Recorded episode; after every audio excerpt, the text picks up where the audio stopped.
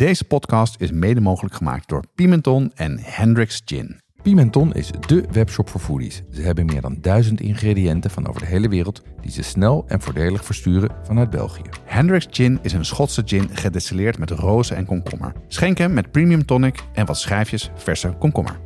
Ook bij ons geldt geen 18, geen alcohol. Jeroen, wat was voor jou een bijzondere culinaire ervaring in Azië? Oh, poeh. Ja, dat zijn er zoveel. Ja. Ehm, eh, het is, wat dat betreft is Azië natuurlijk een feest. Als je zeg maar de smaakpalet hebt wat wij hebben. Ehm, maar ik denk dat ik de bijzonderste ervaring... Een bijzondere ervaring is natuurlijk vaak als de verwachtingen laag zijn... en, en het dan ineens heel goed scoort. Weet Ja. je, ik heb ook in hele chique Chinese restaurants gegeten, vijf sterren hotels. Maar ja, dan zijn de verwachtingen al hoog, dus dan is dat verschil niet zo groot. Maar als ik kijk waar echt, waar ik binnenkwam met zeg maar geen verwachtingen en waar ik juichend naar buiten ging, dan was dat op, eh, op Sumatra, Lake Ja. Toba. Dat is een heel groot meer midden in Sumatra, zoetwatermeer. Ehm, en daar vangen ze rivierkreefjes. En dan kijk je gewoon, we kwamen daar in een, in een eethuisje. En dan keek je uit over dat meer. Zag je gasten in een kano zitten, die waren bezig die rivierkreefjes te vangen.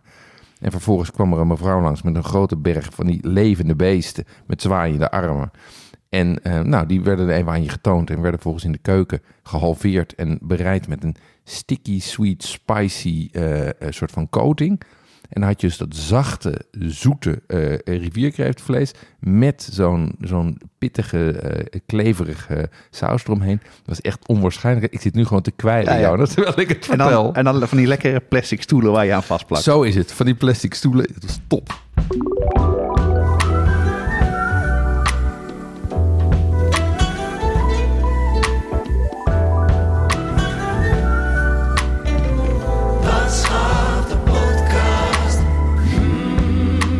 Jonas, voordat we van start gaan heb ik een huishoudelijke mededeling. Op 17 juni nemen wij de laatste aflevering op en die gaat over steak. Als alles gaat zoals wij het hebben bedacht, wordt het een aflevering met publiek dat ook mee eet. Dus als je deze opname in Amsterdam wilt bijwonen en je bent benieuwd naar de allerbeste steaks, hou dan vrijdag 17 juni vanaf borreltijd vrij. De komende weken meer details via de nieuwsbrief, socials en in volgende afleveringen. Ehm, waar gaat het eh, deze week ook weer over? Deze aflevering gaat over pho, of eigenlijk pho. ehm, of eigenlijk pho bo. Dat is een noedelsoep uit Vietnam met rundvlees. Dat is het nationale gerecht van Vietnam. En net als ramen is het een volledige maaltijd. Het is een soep en die is ontzettend lekker. Ja, jij hebt je er echt in verdiept. Ik weet er helemaal niets van. Ehm, dus ik ben natuurlijk benieuwd naar de backstory. Dus we gaan het hebben over de herkomst, de geschiedenis en de verschillende stijlen.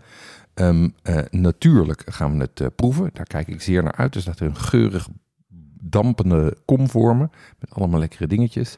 Ehm, en we gaan het erover hebben hoe je het zelf kan maken. Zeker, dus eh, de, de, de geur is heerlijk. Hè? De- de- daar, daar hoort een drankje bij, Jeroen. Wat heb je daarbij bedacht? Ja, ik heb, een, ik heb een drankje. Ik ga hem even inschenken. Dat is zoals altijd een beetje gepiel als je een microfoon voor je neus hebt. Maar ik ga het toch doen. En weer met je favoriete apparaten. Ja, ik gebruik weer die Coravijn. Ja, ik vind dat een ideaal ding. Dankjewel. Nou, Jeroen geeft me een glas witte wijn. Eh, de kleur is, nou ja, lichtgeel. Er zitten wat van belletjes in. Dat kan misschien komen door hoe het nu net is ingeschonken. Hij heeft een beetje een, ja, een beetje een romige, eh, diepe neus. Maar ook iets frissigs zit er in de neus. Een zuurtje, denk ik. Ja, ik ruik citrus en ik ruik hout. En dit is onmiskenbaar een, eh, een, eh, een Chardonnay. Ja, zeker. Dat dacht ik Ehm, wel, ja. ja. Maar het is heel strak. Heel lekker is dat juist. Dus hij heeft... Er zit bijna iets van... Iets stroefs in. Mm, Dat is, is dat... ehm hij, heeft, hij is een klein? Nee, toch? nee, het is een klein beetje reductief. Dat is? Dat is dat hij al een beetje gerijpt is. En dat het niet meer alleen maar het, ehm, het frisse van het fruit heeft. Wat je vaak hebt met, eh, met nieuwe wereldwijn die heel fruit forward zijn. Ja. Deze is al, al een beetje wat, eh, wat ouder geworden. Wat jij eh, hier drinkt is de Fat Lady Sings. Goeie naam. Fat Lady Sings. Prachtige fles met daarop een... eh, met, met daarop nou ja, Ja, zo voluptueuze, voluptueuze dames. Romeinse standbeelden. Romeinse standbeelden, precies. Ehm, en Fat Lady Sings is eigenlijk de eerste witte wijn van Chateau Amsterdam... waarvan ik eh, aangenaam verrast was. We hebben het al eens eerder gehad over Chateau Amsterdam. Dat is een, eh, een European Urban Winery. Dus Ja. dat zijn mensen die halen... Ze halen druiven uit heel Europa en maken daar wijn van in Amsterdam-Noord. Ehm, daar hebben we al eens een keer de pet nat van gedronken. Ja, die was lekker was die. Ehm, en eh, zoals je weet ben ik, ben ik vriend van ze. Dat betekent dat je een soort van in een clubje van mensen zit die af en toe een fles wijn krijgen en die bovendien hebben geïnvesteerd. Ehm, en het leuke is dat ze nu de eerste openbare investeringsronde hebben. Dat betekent dat iedereen nu mede-eigenaar kan worden van Chateau Amsterdam. en is dat, eh, is dat duur of hoe werkt dat Ja, dat, vanaf ongeveer 245 euro kan Oh, dat. Dus je kan, je kan, eh, je kan eh, losse aandeeltjes kopen. Ehm, dat is een investering, maar dat is niet waarom ik het doe. Ik vind het gewoon hartstikke leuk om, om daarbij betrokken te zijn, op de hoogte te worden gehouden. Ehm, en je krijgt dus eh, af, bij een, eh, vanaf een, ik geloof, 1000 euro investering, krijg je ook regelmatig wijnen van ze opgestuurd. Ehm, en het is ook gewoon een ontzettend goed verhaal om te zeggen dat je mede-eigenaar bent van, eh, van, van, van een urban winery. Van, een- van, een, van een château ja, ja, dat is in. Amsterdam-Noord. Ja, ja, ja, ja. Op een Dus- bedrijventerrein. Het is een ontzettende goede conversation starter. eh, Maar ja. ik, moet, ik moet zeggen, het is een lekker wijntje. Want hij, eh, je ruikt en denkt Chardonnay inderdaad. Ja. Je proeft en het is heel romig in het begin. Mhm. Maar omdat hij dus wel lekker hoog op zuren is... snijdt dat goed door het vet heen. En, het, en ik kan me goed voorstellen dat hij past bij wat we zo gaan eten. Namelijk de feu. Dus eh, ja, leuk. Lekker drankje. ik zal de informatie erover hebben op de website zitten. Hoe dat zit met die investeringen en zo. Hartstikke goed. Wat, eh, wat heb jij eh, de laatste tijd gedaan, Jonas? Ja, ik ben gewoon ik ben weer doorgegaan met uit eten. Ja. Het, ik neem het er gewoon van nu, twee jaar lang inhalen. En ik wil al, ik, in Amsterdam heb je een restaurant dat heet Toscanini. Dat is Mhm. een, het Italiaanse restaurant al heel erg lang. Het is echt een instituut in de stad. Ja. Heb ik vroeger best wel een paar keer gegeten. En eh, ik probeer altijd te reserveren, ben ik altijd te laat. Weet je, het is altijd vol. Ja. En eh, nu eh, dacht ik laatst van, nou, ik ga gewoon op tijd reserveren en dan door de week. Mhm. Dus dan ben ik met mijn gezin wezen eten. En wat gewoon heel tof daaraan is, dat was ik weer helemaal vergeten. De sfeer is gewoon heel goed. ja. Weet je, het is, je wordt daar, de bediening is echt, daar, daar werken mensen al heel lang. Ja. Eh, die weten ook hoe het werkt. Die, het is gewoon, de sfeer is lekker, je zit lekker, veel mensen om je heen. Van alles en nog wat zit er om je heen. Ja. Dus dat is echt wel een van de grootste elementen van het restaurant. Verder is het gewoon klassiek Italiaans eten. Ook heel erg lekker en Ja. goed. Ja, Ja. verse pasta's en zo. Alleen wat ik me wel eh, realiseerde is als je dan toen we in Piemonte waren, heb je kleine porties. Ja. En kan je een heel menu eten. Ja. En hier was ik al heel voortvarend begonnen van nou doe maar maar de primi, de carne cruda. En ik had eh, verse pasta met, Ja. met vongole. En ik wilde nog wel een stukje vlees daarna. Ja. Dus, nou, dat wordt een beetje veel. Ja. Ja. En dat vond ik heel goed, want in zo'n zin was het van, nou, ik zou dat dus niet doen, zei ze. Dus we hebben één hoofdgerecht genomen, kregen we borden bij. Het was eh, echt ontzettend lekker. Maar een beetje Hollandse porties dus.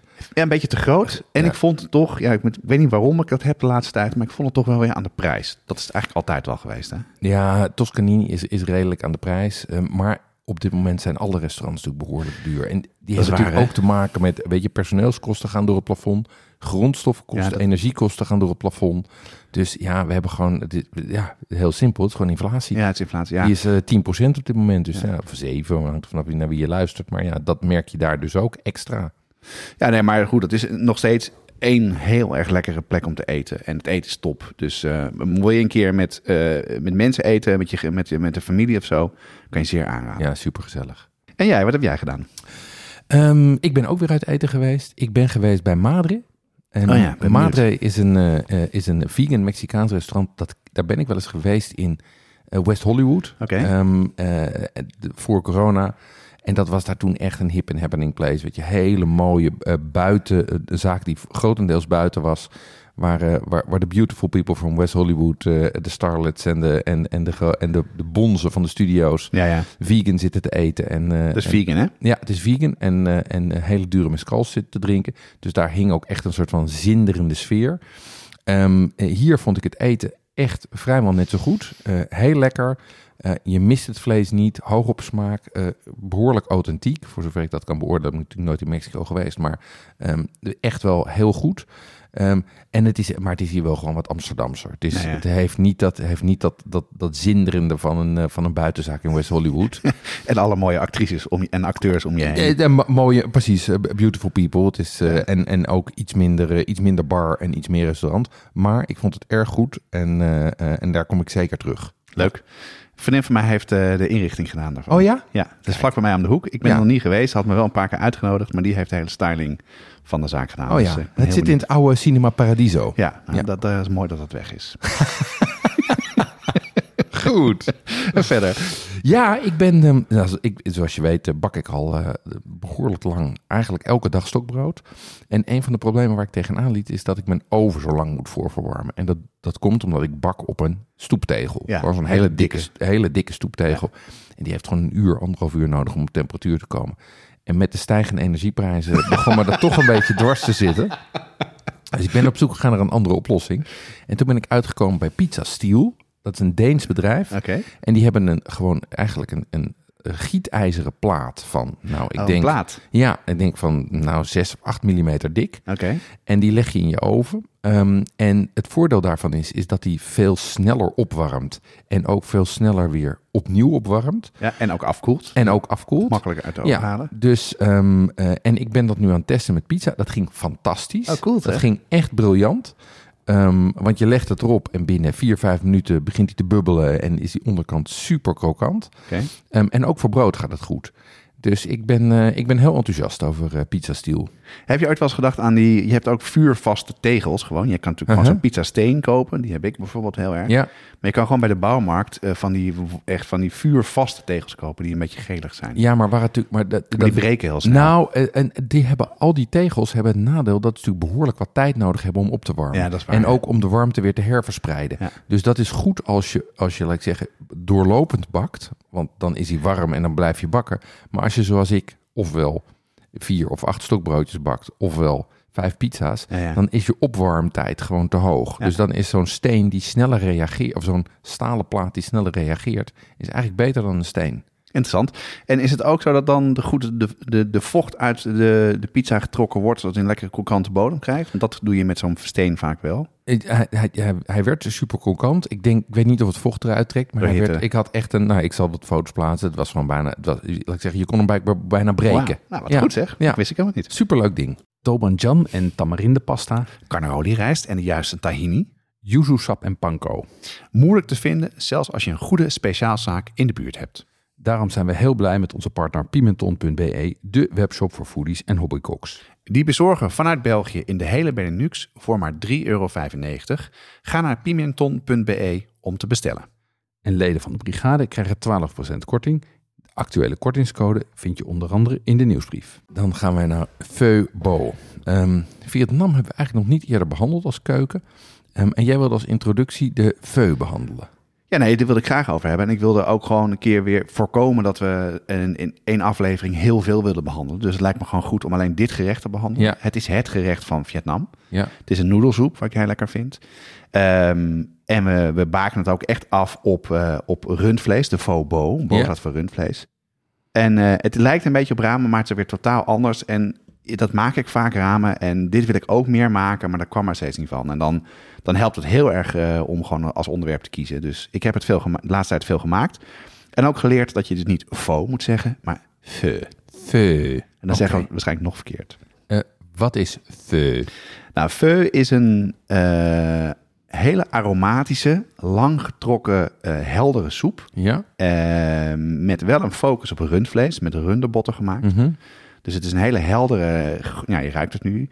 Ehm, het is gemaakt met rijstnoedels. Mhm. Ehm, die doe je in een, eh, in een kom, daar doe je de dampende soep overheen. Daar zit wat rundvlees in en garnering. En de garnering in de vorm van limoen, verse kruiden als eh, Thaise basilicum, koriander, munt, taugé, eh, verse ui en dat soort dingen. Mhm. Ehm, in het, de, sommige plekken die serveren er ook nog hoisinsaus en sriracha erbij om erin te doen.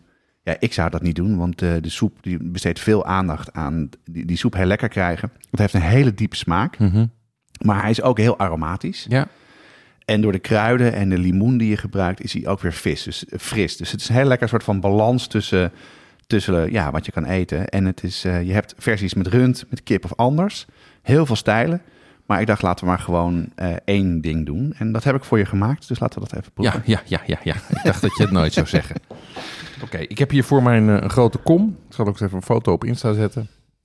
Ehm, met daarin een, eh, een, een heldere, maar laat ik zeggen diep gekleurde bouillon. Daarin liggen eh, dunne rijstnoedels. Een paar plakjes biefstuk die gegaard zijn, maar nog niet helemaal door. Niet helemaal grijs. Wat rode ui, wat verse kruiden. En eh, ik heb er net wat, wat limoen overheen geknepen. Ik ga het even proeven. Lekker? Sorry. Ik ben even begonnen met de, met de bouillon. Ja? En die bouillon, dat is precies wat jij beschrijft. Dat is een, ehm, dat is een diepe bouillon. Dus, ehm, maar die heeft heel duidelijk zeg maar, een ehm, smaak van five spices. Dus ik, proef, ik proef venkel en ik proef kaneel. Sterrenijs. Sterrenijs, Ja. precies. En, eh, en bovendien is het zelfgetrokken bouillon. Want je merkt dat, er, dat die, die umami-golf, die komt erachteraan, zeg maar. Dus dat is heel lekker. Ehm, en ik ga nu eens even wat van die garneringjes eh, eten. Want die proefde ik ook al, die rook ik al toen ik de bouillon proefde. Maar ik ben begonnen met een lepeltje bouillon. Dus ik begin even met een beetje noedels. De wijn is er ook goed bij, kan ik zeggen. Die s- snijdt er lekker doorheen. hele lekkere chewy eh rijstnoedels die goed naar binnen, die goed naar binnen kan slurpen. Ehm, dat zal ik niet al te veel doen, want dat, er, er is, er is een grens aan hoeveel, over, er is een grens aan wat we onze luisteraars kunnen aandoen. En vervolgens zitten daar lekkere dunne eh, plakjes eh, half gaan rood biefstuk in. Super mals. En ook weer met, doordat in die bouillon heeft gelegen, heeft dat aroma van die bouillon. Ja. En dan heb je ook nog andere stukjes rund. Dus dat- dit is dan met zowel eh, vers rundvlees, Ja. of eigenlijk rauw moet je zeggen. En dat eh, gaart in de, door de hete bouillon. Maar er zit ook stoofvlees bij. Oh ja, dit zie ik hier. Mm. Oh ja, oeh, dat is inderdaad heel diep. Mm. Stoofvlees met nog een klein beetje weerstand, maar heel, eh, heel zacht. Ehm, en wat het lekker is, is daar zit, daar zit ook een beetje die stukjes, ehm, eh, dat groene, die groene kruiden zitten er tegenaan. En die verse, en verse rode ui en lente-ui. En dat, dat geeft een mooie balans tegen dat vette van dat, van dat vlees. Super lekker. Heb je het veel gegeten in het verleden of niet? Nooit. Nou, serieus? Mhm. Is dit je eerste keer? Oh, wat leuk. Ja. Nou, ik heb het wel in Berlijn, kan je het veel. eh, in Duitsland heb je veel Vietnamese restaurants. En daar eh, in Berlijn heb je een aantal hele goede restaurants waar je het kan eten. Dus ik heb best wel vaker buiten de deur gegeten in Nederland. In Amsterdam en Nederland ook niet. Ja, ik vind het dus heerlijk. En je kan je ook voorstellen dat als het warm is, dat het helemaal top is. Omdat je dus, het is aan de ene kant heel, eh, ja, wat jij zegt, heel, een hele diepe smaak. Hele aromatische smaak. Dus je hebt verschillende dingen. Maar het is ook lekker fris. Dat vind ik er zo, eh, zo bijzonder aan. Ja, nee, erg lekker. Hey, dit is duidelijk een eh, rund, eh, ehm, rundversie. Waarom heb je voor rund gekozen? Want je zei dat er andere varianten zijn. Ja, nou, om een beetje me te beperken. Om niet eh, te veel kanten op te gaan. Om echt ook even te focussen op één ding goed maken. Ehm, dit is de tweede keer dat ik het gemaakt heb. En de eerste keer heb ik het met varkensvlees erbij gemaakt. Het was een ander recept.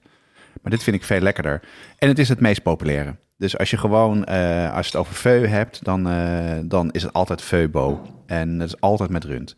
Als je gewoon online kijkt en de dingen bezoekt. Dus, dus het is eh, een hele populaire.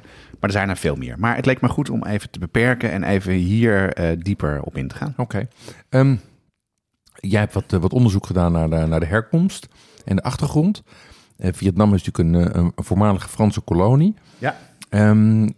Z- speelt dat een rol in het, eh, in de eh, tot, tot, totstandkoming van het gerecht? Dat speelt heel erg een rol. Want het is eigenlijk. ehm, het is helemaal niet zo'n, niet zo'n zeg je dat? Oud gerecht. Men denkt dat het zo eh, 1920, 1930 dat het, dat het ontstaan is. Mhm. Het was eerst heel erg een gerecht uit het noorden van Vietnam. Daar is het wat kouder, daar zijn wat meer heuvels dan in het zuiden. Maar wat je krijgt, omdat het een Franse kolonie geweest is, eh, is er rundvlees heel erg dominant geworden daar. En, eh, ja, en er waren veel runderen die voorheen vooral gebruikt werden als, eh, ja, om, voor vervoer, zoals je ezels ook gebruikt. Ja. Ehm, maar die botten bleven over. Dus men denkt dat aan de ene kant, omdat het dus Franse gerechten ook veel met, met bouillon gemaakt worden. Dus eh, de pot à feu bijvoorbeeld. Ehm, of dat er gewoon ja, restverwerking is van de botten die over zijn. Dus dat is aan de ene kant de, de, de Franse invloed. Dan heb je de Chinese invloed, dat zijn eigenlijk vooral de noedels. Eh, Vietnam is natuurlijk ook een land waar heel erg veel rijst wordt verbouwd. En dat zijn rijstnoedels, dus gemaakt van rijst. En, en er zit dus natuurlijk een enorme Vietnamese twist aan. Omdat al die verse kruiden die erin zitten en die, die specerijen, Ja. dat maakt het weer heel erg eh, van Vietnam. Dus het is een soort mooie mm, ja, samensmelting van verschillende culturen. De naam, daar is heel veel over te doen. Mhm. Eh, daarom moet je ook feu zeggen. Men denkt aan de ene kant dat het te maken heeft met eh, vu- vuur op zijn Frans. Ja. Feu. Ja, Hetzelfde? ja, ja. Feu, pot au feu. En dan pot au feu als, als gerecht, daar lijkt het ook best wel op. Dus, eh, maar daar wordt die, dan lees je ook weer dat dat niet waar is. Maar het is inderdaad ehm, begonnen zo in het noorden. Het is een ontbijtgerecht. Oké. Ehm, het wordt gemaakt, vooral op straat verkocht.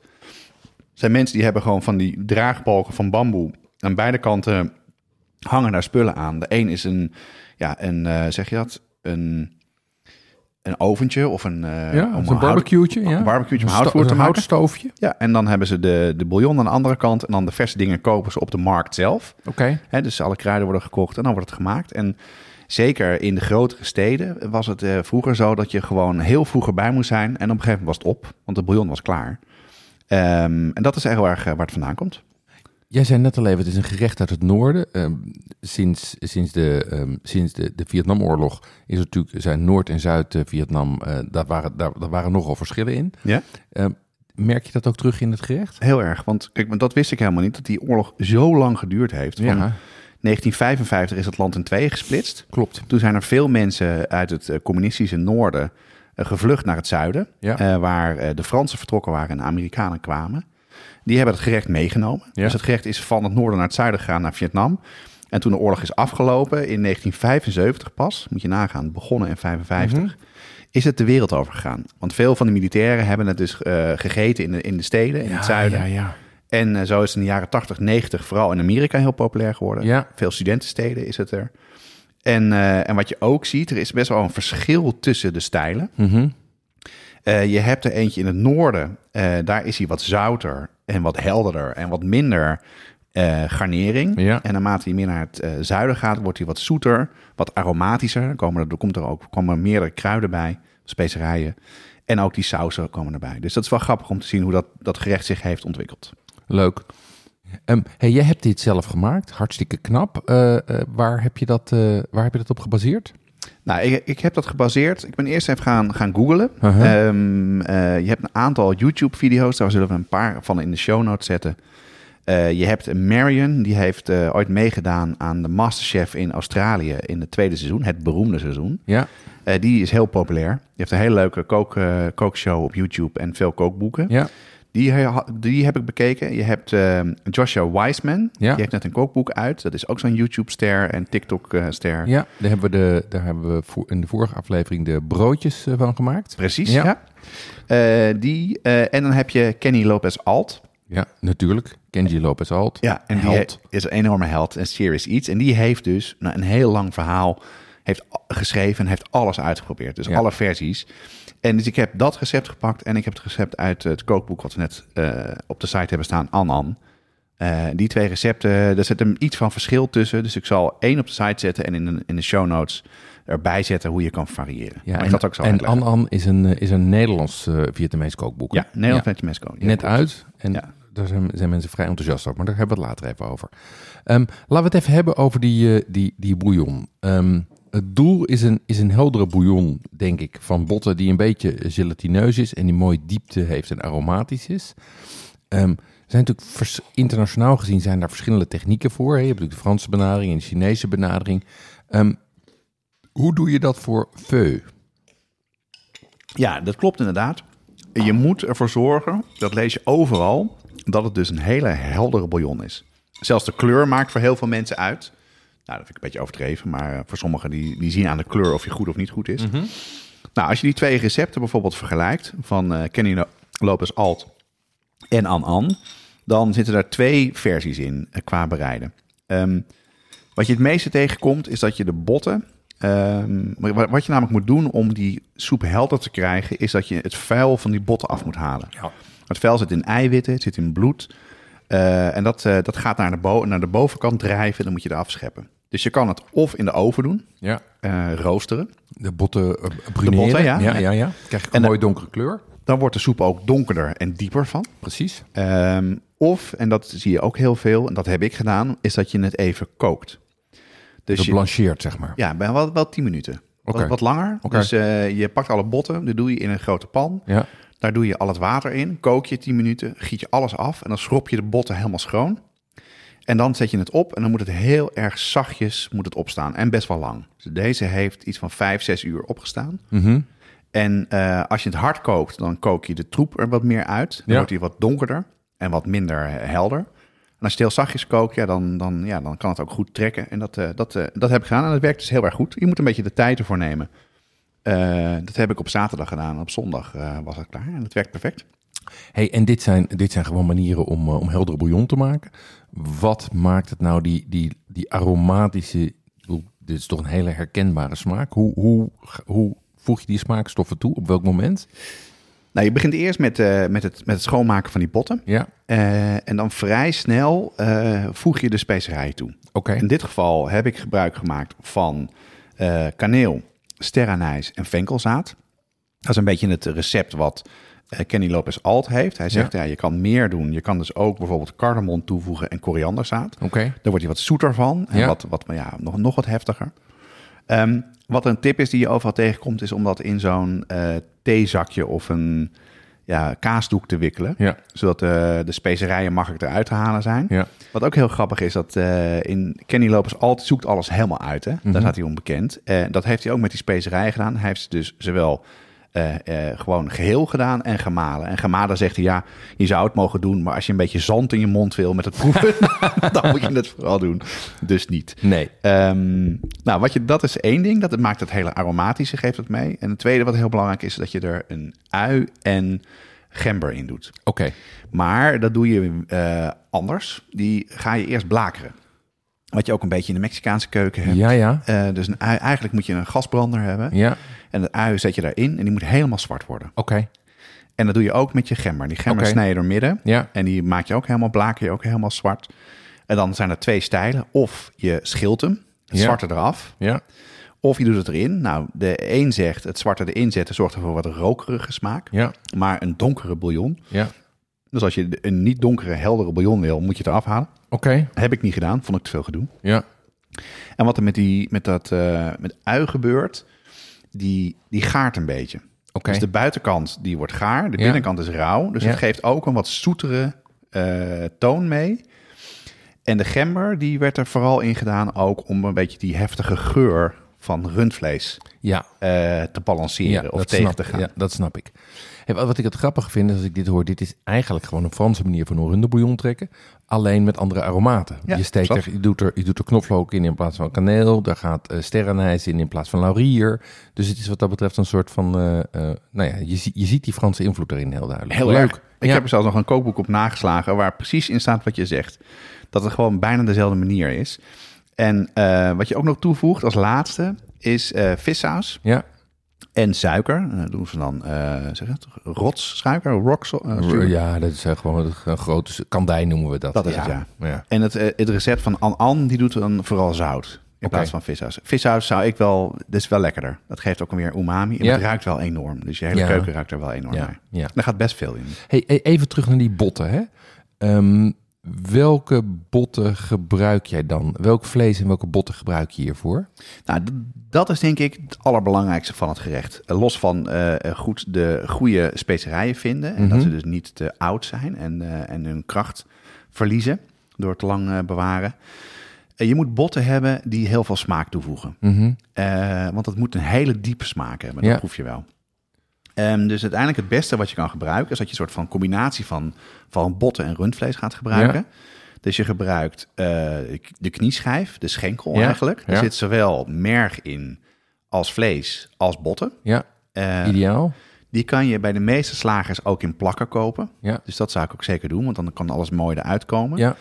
Ehm, dan heb je daarna heb je osselstaart, oké. waar ook vlees aan zit. Eh, ik heb mergpijpjes gebruikt. Ja. En ik heb al aan de, aan de slager gevraagd om alles door te zagen of open te zagen. Oké. En het is een beetje een verhouding van, van 3, 2, 1. Mhm. Hè? Dus eh, drie delen van eh, de knieschijf en dan twee delen ossenstaart en dan één deel. En dat is het, het laatste wat je toevoegt, is gewoon rundvlees zelf zonder botten. Oké. En daar heb ik in dit geval sucade voor gebruikt. Oké. Of riplappen of zoiets in elkaar. Een soort stoofvlees. Ja, stoofvlees. Maar ik wilde wel stoofvlees hebben wat, eh, wat eh, in zijn geheel blijft zitten. Ze, ze doen in, het, in de recept is het flank. Dat Ja. is iets anders dan, dan Ja. riplappen. Ja, Heb ik de de slager, vang, vanglap. ja, heeft mijn slager mij uitgelegd. Ehm, dat wordt daar veel gebruikt, ook Mhm. eh, in de recepten. Eh, maar zo krijg je dus en de smaak van het vlees. Daar moet je wel een beetje op letten, want dat vlees, eh, ja, daar moet je niet vijf, zes uur meestoven. Dus eh, dat vlees heb ik dan eh, na twee uur eruit gehaald. Ja. En op vak voor ik ging opdienen weer in de soep gedaan om een beetje door te warmen en, eh, en ja, een beetje sappig te worden. Anders wordt het te droog en dat is zonde. Heel goed. Ehm, maar als ik jou zo hoor met vrij specifieke, weinig courante delen. ehm, dit moet je halen bij je slager.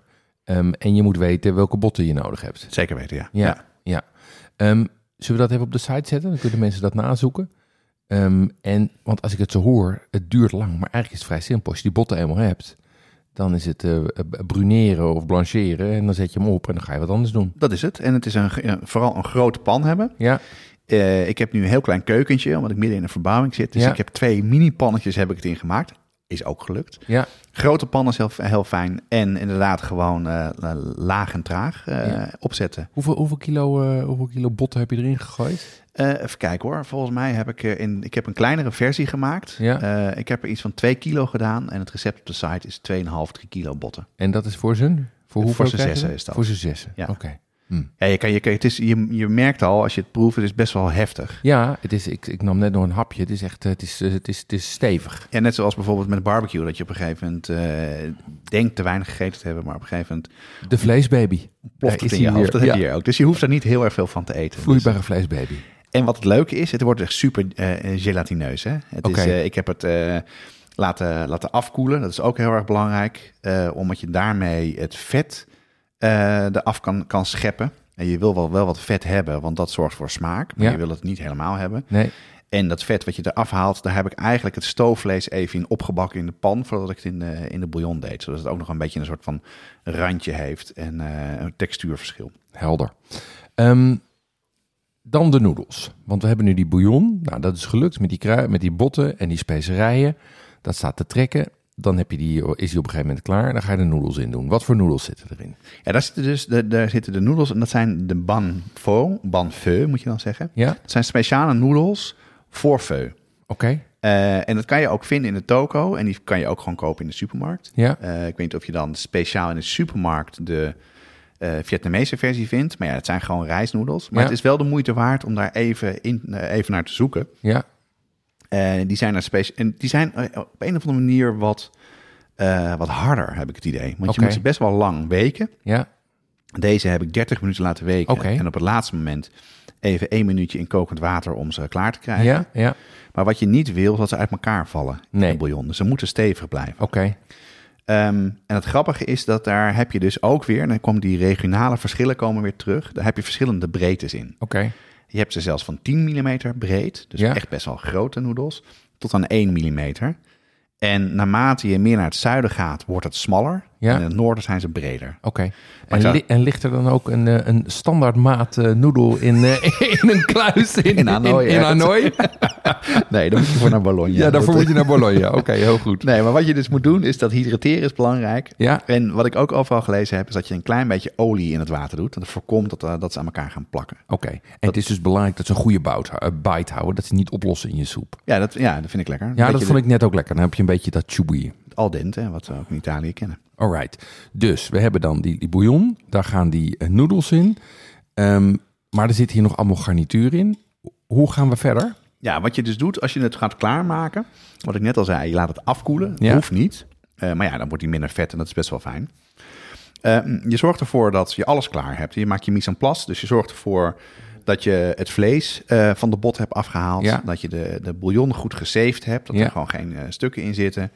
Ehm, en dan maak je dus je garnering klaar. Dus je Thaise basilicum, je munt en je eh, koriander. Ja, Eh, als je wil, kan je er een, eh, een, pepertje snijden om daarbij te doen. ja lekker. Een limoen is lekker om daarbij Ja. te hebben. Taugé, verse taugé en wat bijvoorbeeld verse ui. Ja, Geef wat crunch en dan geeft wat textuur. ja, Ehm, en dan ehm, voor de versie die ik hier heb gemaakt, heb ik ook rauw rundvlees gesneden. ja. Een, Biefstuk. Een biefstuk. ja, eh, met zo min mogelijk vet erin, want anders Ja. ga je dat niet, eh, niet oplossen. Nee. En dan doe je eerst de noedels in, de, in een soepkom. En die soepkom altijd eventjes met warm water opwarmen. Ja, als die koud uit de kast komt.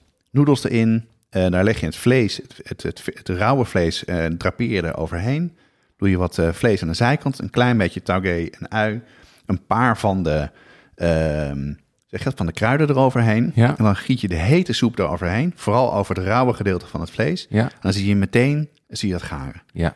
Dus eh, nice. dan is het eigenlijk gewoon, kan het ook meteen opeten. En dan zet je op tafel een bordje waar je veel meer garnering bij zet. Waar je veel meer limoen bij zet.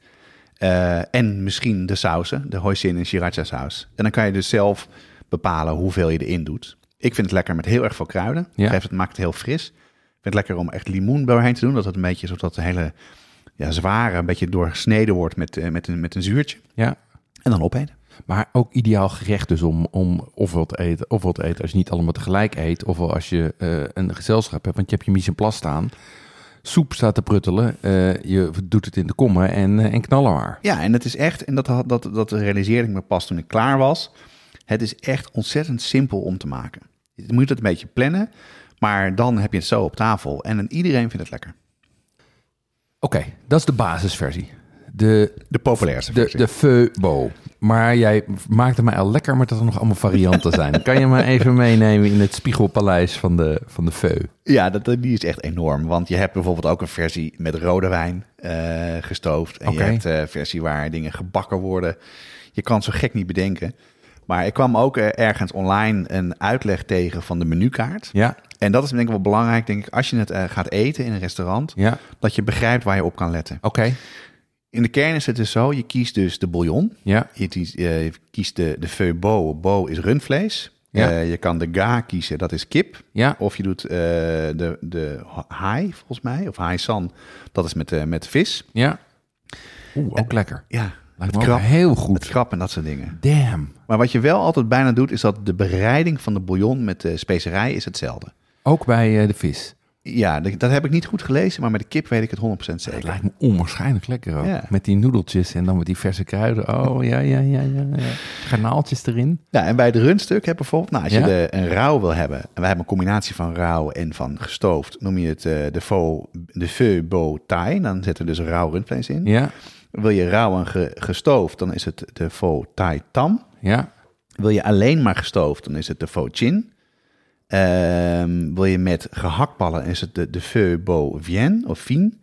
En ehm, je kan spicy krijgen. En wat je ook kan krijgen, en ik denk jouw favoriet, is de, de feu sach beau. Dat is met, eh met pens. Oh, lijkt me ook goed. Lijkt me, Lijkt me ga, ga, ga, ik, ga ik samen met Mokum eten. eten. Ja. Met je kinderen, dan drijft een soort van ribbelachtig ding. Nou ja, Oh. weet je, qua smaak eh, maakt het niet uit. Het gaat vooral om mondgevoel, denk ik. Overigens, als jullie tips hebben over de uitspraak van Jonas Vietnamees, Ja, kan je die mailen naar jonas.watschaftepodcast.nl. Ja, nou, ik heb deze keer heb ik het gewoon gelaten voor wat het is. Nou, wat, wat, kijk, dus ik zou zeggen, dit is een versie. Maar wat je ook kan doen, is een kipversie. Oké, Als je een keer een gebakken kippetje maakt, je hebt een karkas over. ja, eh, en je hebt nog, je koopt twee extra botten bijvoorbeeld, twee extra poten. ja. En dan kan je het karkas afplukken en de poten maken. En ja, dan kan je gewoon een kipversie maken. Want dat is verder allemaal hetzelfde. Top. Dus eh eerste dag een uh, gebraden kippetje. Lekker met eh, frietjes en mayonaise. En de volgende dag als compensatie een heel frisse, kruidige feu. Ja, Wij zijn in business, Jonas. Wij zijn in business. Ehm, we, zijn, eh, we, hebben inmiddels al een, we zijn al een tijdje bezig met eh kookboekrecensies. Ja. Ehm, de leden van de brigade die reviewen die, eh, die kookboeken heel grondig. Ehm, dus die koken minimaal vijf recepten proef. Die lezen het hele boek. En als dan het boek goed genoeg is, dan zetten we daar een recensie voor op de site. Ja. En we hebben nu ook toevallig op dit moment ook een recensie van Anan. Ehm, en dat was een, eh, was een juichende recensie, want eigenlijk alleen als we de boeken de moeite waard vinden, zetten ze op de site. Ehm, en daarin staat, het is een eenvoudige, heldere recepten die je het Vietnamese smaakpalet leren kennen met ingrediënten die je voornamelijk in de supermarkt kan kopen. Laagdrempeliger een vakantiegevoel oproepen kan bijna niet. ja dat vond ik een hele mooie omschrijving. Ja, hele goeie. En dat is natuurlijk ook wat we zoeken, hè, dat soort dingen. Ja. Leuk. Dit recept staat ook nu live. Ja. Eh, en daar staan ook weer twee recepten ervan in. En waarvan één daarvan is dan het, het Feubo recept. Wat, eh, wat in basis is voor wat we gegeten hebben. Alright. Hey, je hebt mij een heerlijke eh eh feuilleton laten proeven. Je hebt me uitgelegd hoe we het kunnen maken. Zullen we nog even samenvatten wat het, eh, wat het ook weer is en hoe we het maken? Ja, nou, het is het eh, gerecht van Vietnam geworden. Mhm. De Feubo met rund. Ehm, dat is dus een eh, hele diepe bouillon van rundvlees. Besteed veel tijd aan die bouillon. Ja, Eh, veel tijd in- wachttijd vooral, hè? Ja. Veel wachttijd, maar zorg ervoor dat je hem netjes schoonmaakt. Eh hij is perfect in te vriezen. Tuurlijk. Eh, ook in porties. En je maakt hem eigenlijk op smaak. Hij moet hoog op smaak zijn. Met vissaus of met zout. Ik zou voor vissaus staan. En met wat suiker. En, Ja. eh, en eh, dat is het. Ja, en wat ik het unieke vind bij het serveren is dat er veel verse kruiden overheen zitten. En ui en tauge. Ja. Dat geeft hem echt, zeg maar, die eh, Zuid-Aziatische eh, vibe van, van frisheid en bloemigheid. Ehm, wat ik ook heel lekker vond, is dat er die stukken eh, rundvlees in zitten. Zowel dat rauwe, wat dat, eh, of rauwe, bijna rauwe, wat dat, dat, dat lekkere eh, vleesgevoel geeft. Maar ook dat gestoofde. Ehm, en wat mij betreft, ja, je had het over hoisin of sriracha. Dat hoeft er voor mij niet in. Nee, Dat is, ik denk als je shitty bouillon hebt, dat je dat nodig hebt. Maar hierbij heb ik geen eh, hoisin- behoefte aan nog meer eh hoisin of sriracha. Ehm, en als ik het zo hoor, afgezien van het wachten op die bouillon, is het eigenlijk heel makkelijk te maken. zeker. Gewoon even een goede slager zoeken. Die stukken vlees, eh, of die stukken botten zoeken.